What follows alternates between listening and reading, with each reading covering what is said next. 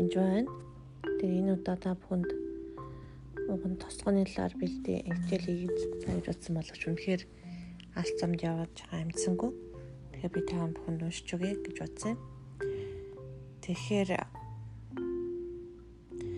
нэгдүгээр яхан хоёроос уншиж өгье. Хин хүүг үгүйсхэн түнд эцэг байхгүй гэж байна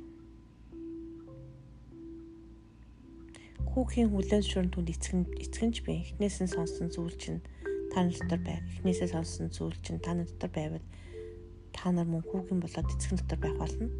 Энэ бол түүний бидэнд амлсан амлалт болох мөнх амь юм аа. Та нарыг мэдлэг хүмүүсийн талаар үнийг би та нарт бичсэн. Гэт 27-оос эхлээд та нарын түүнээс авсан тослогоо нь та нарын дотор байдаг. Бөгөөд өөрсд чинь заахын нэг нь та нарт хэрэггүй Харин түүний тослогоо нь та нарт бүхнийг заадаг бөгөөд тэрхүү тослогоо нь худал биш үнэн. Та нарт заасан ёсоор та нар түүний дотор байх тун. Инхээр би тослогоо буюу anointing тослогооны талаар та бүхэнд дараагийн эдэн подкастуудад зориулж хий гэж бодсон юм. Тэгээд энд энийг харах юм бол та нар түүнээс авсан тослогоо буюу Иесус Христос авсан тослогоо бидний дотор байдаг бөгөөд харин энийг гуйлж болох юм бол өөрсд чинь заахын нэг нь танд хэрэггүй гэхэд бид нар багш хэрэггүй юм байна, библич унших хэрэггүй юм байна гэж гуйвалдаг бас хүмүүс байдаг. Ингээд багшчгүй, библичгүй, менторчгүй яваад өгдөг юм байдаг л да. Тэгэрэй гэж хэлж байгаа юм биш. Яг бол та нарыг мэхлэх хүмүүсийн талаар үнийг би та нарт бичсэн гэж урьдчилан сануулж хэлж байгаа эхлээд болгоомжтой байгаараа гэж хэлж байгаа байхгүй. Аа гэтээ ямар ч багшгүй бэ гэж хэлээгүй.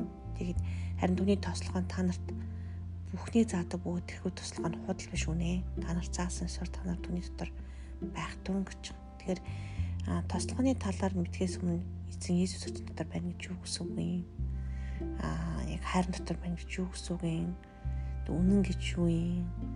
Тэгээд үнэхээр хүүгийн дотор байл та нараас эзэн дотор байна гэд тэгээд тослогоо гэж юу вэ гэдэг талаар бол дэлгэрүүл унших хэрэгтэй. Тэгээд тослогон дээр болохоор Иесус Христтэй холбоотой таван төрлийн ямар тослогоо байдیں۔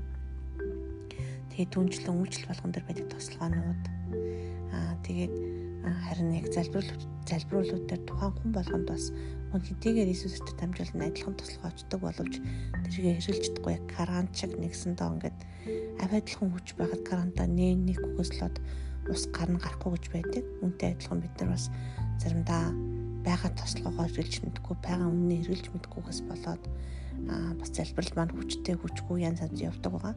Тийм учраас зарим хүн та залбираад өгөөч ээ гэд зарим хүнийг залбирал илүү хүчтэй байдаг ч гэх юм. Тийм тохиолдол гардаг. Уг нь бол бурхан хүүний залбирлыг адилхан сонсдог. Яг адилхан бурхан хүмүүсийг ялгуурлагдаггүй. Харин тэр тослогоогоо яаж хэрэгжилж байгаа, яаж авч байгаа, карант каранта нээж чааж байгаатай адилхан зүйл болдог Үүнээс болоод зарим хүний залбирал хүрдэг, биелдэг байхад зарим хүний залбирал бэлэхгүй ч юм уу хүрхгүй, ерөөсөө сонсогдохгүй байдаг ба. Тэгхийн болохоор жишээлбэл нэгэн жишээ хэлж өгье л доо. Нэгэн өвчтөн хүн а одоо би би өвчнөө одоо эдгэрсэн гэд Иесусийн шахаар эдгэрсэн юм чинь залбирахгүй байх уу яах вэ гэж асуусан. Тэг би эдгэрсэн юм уу гэсэн чинь одоо хэлж болохгүй өвчтөө гэж хэлчих юм бол миний өвчин дахиад ирчин гэх тийм хачин юм ярьжсэн. Тэг би манай сум дээр хүртэл нэг эмэгтэй одоо энэ маа намайг жой гэдэг хэлдэг жой гэж дутал яасан бэ гэдгсэн чинь миний гэл тэгэхээр таны өвдөө өвчтэй байгаа мó гэдгсэн чинь тийм гэтээ би өвчнөө клейм хийж би өвчнөө одоо ингэж авч өөртөө тусгаж болохгүй миний өвчин биш л дээ.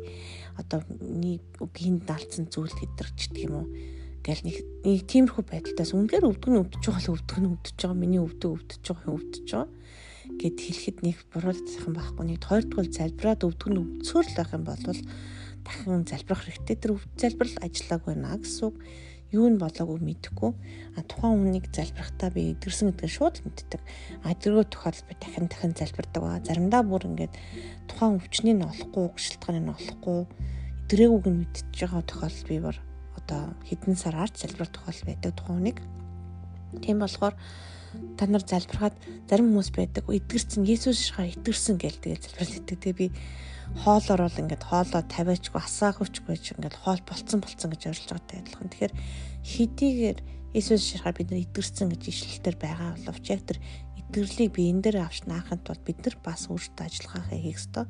Үүний тал дээр та нар бас яг залбирлын талаар Иесусийн нэрний талаар хүчний талаар нэлээд та бүхэн подкастуудад хийсэн байгаа. Заавал сонсороо. А anointing буюу тослогоо гэдэг бол дахиад бас өөр зүйл байгаа шүү. Тэгэхээр танд бас амжилт хүсье. Дараа дараагийн подкастуудыг минь сонсороо. Тэгээд эзэн та бүхэнтэй хамт байг. Баярлалаа.